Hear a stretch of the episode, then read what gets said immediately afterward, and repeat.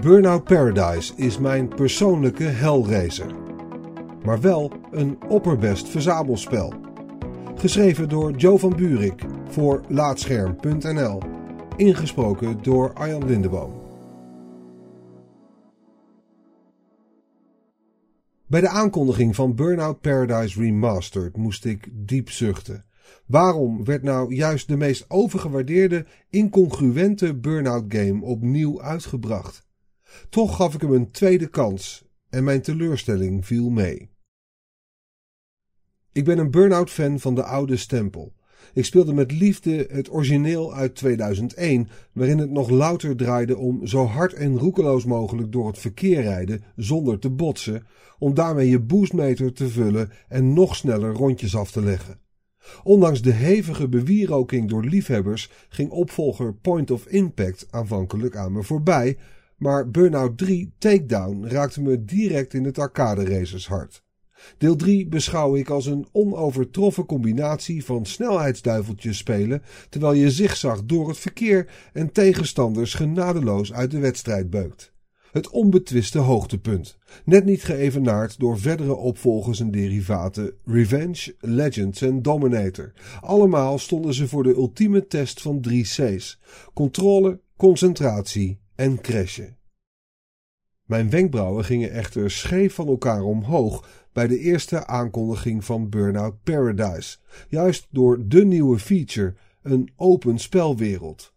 Waarom nou? Los van het feit dat het sandbox-genre pakweg tien jaar geleden opeens booming was. De reden dat Burnouts kenmerkende adrenalinecocktail van gloeiende metaalvonken, blauwe uitlaatvlammen en stevige poprock op hoog tempo voor mij altijd werkte, was dat de races op afgebakende openbare wegen plaatsvonden. Haal die structuur onderuit en het is alsof je een milkshake achterover slaat in plaats van door een rietje opslurpt. Het zal vast nog lekker smaken, maar de smaakbeleving verandert nogal door de compleet andere dosering. Die hypothese werd voor mij bewezen toen ik Burnout Paradise probeerde, eerst als demo en daarna via de uiteindelijke release. De game laat je wedstrijden starten bij kruispunten, waarna kort verteld wordt waar je zo snel mogelijk heen moet, hoeveel auto's je van de weg moet beuken of tot waar jij zelf in leven moet zien te blijven. De enige begeleiding die volgt bij een race van A naar B zijn de in beeld flitsende verkeersborden bij een afslag of kruispunt. Mis je er één, dan moet je hopen dat er snel een volgende volgt, anders kun je het wel vergeten. Ik was dan ook om de havenklap de weg kwijt, gefrustreerd door de open wereld opzet en raakte al snel uitgekeken op de manier waarop het spel zich ontvouwde. Als ik op krankzinnige snelheden halsbrekende toeren uithaal, wil ik namelijk niet ook nog eens voor eigen navigator moeten spelen. Laat staan dat ik continu afleiding kan gebruiken in de vorm van de schier oneindige hoeveelheid vindbare reclameborden, hekjes, schansen, pompstations, spuiterijen en schroothopen. Het spel lijkt daarmee wars van enige stroomlijn en ritme. Het gooit je in een geasfalteerde zandbak met de verwachting dat je daarin zelf je weg wel vindt. Dat is leuk voor de verkenners onder ons, maar niet voor de pure coureurs. Vrijelijk van A naar B gaan is namelijk heel anders dan het volgen van een uitgestippeld pad, waarin spelontwerpers des te meer hun kunde tentoon kunnen spreiden.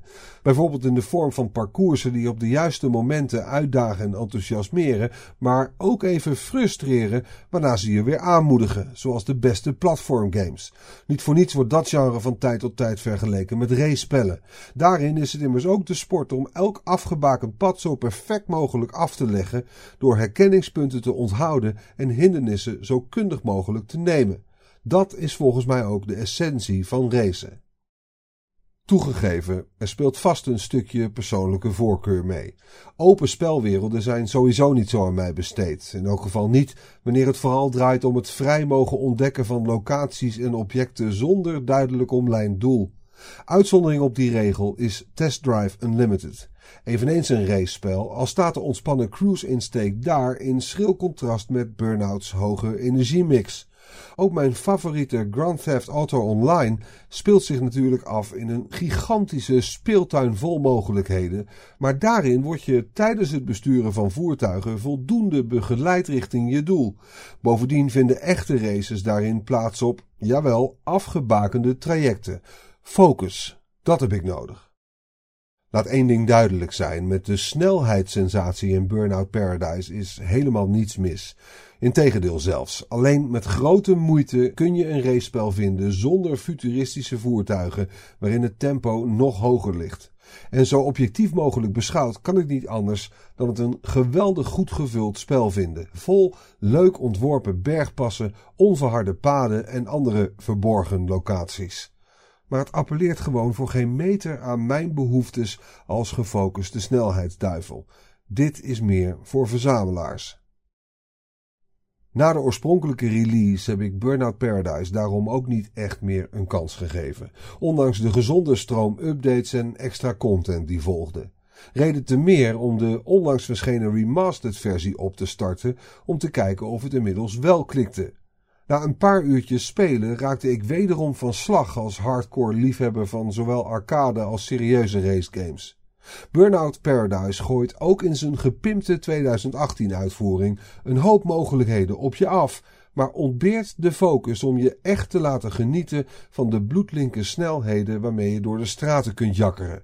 Dat komt mede door de vormgeving van de spelwereld. Ook in opgepoetste vorm lijken veel straten, wijken en landweggetjes betrekkelijk veel op elkaar, waardoor het erg lastig is om een mindmap te maken en de beste routes te onthouden. Dat gevoel hield aan totdat ik voor het eerst op Big Surf Island kwam, het relatief compacte en met hoogteverschillen doorspekte DLC-eiland, waarop races niet vrijelijk van A naar B, maar met checkpoints plaatsvinden. Hoera! Hierin trof ik zomaar een glimp aan van de Burnout Games waar ik zelf zo van houd.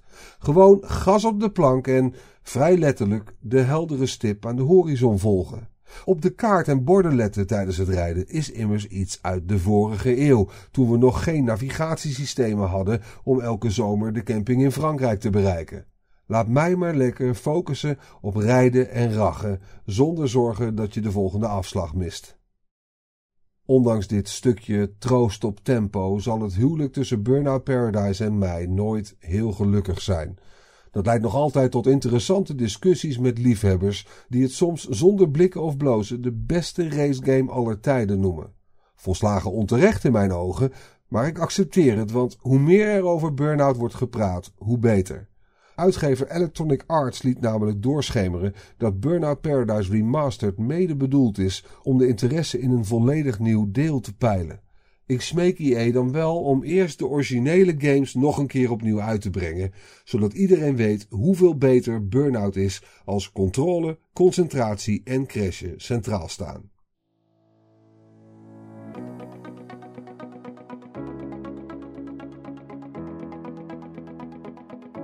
Dankjewel voor het luisteren naar deze aflevering van Laatscherm voorgelezen.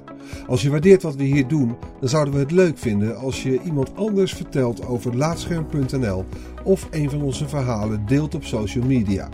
Je kunt ook heel eenvoudig 5 sterren achterlaten in de podcast-app van Apple en eventueel recensie, waardoor we weer beter vindbaar worden voor anderen. Luister ook naar onze andere podcast Praatscherm en ga voor meer verhalen, geschreven of gesproken, naar laatscherm.nl.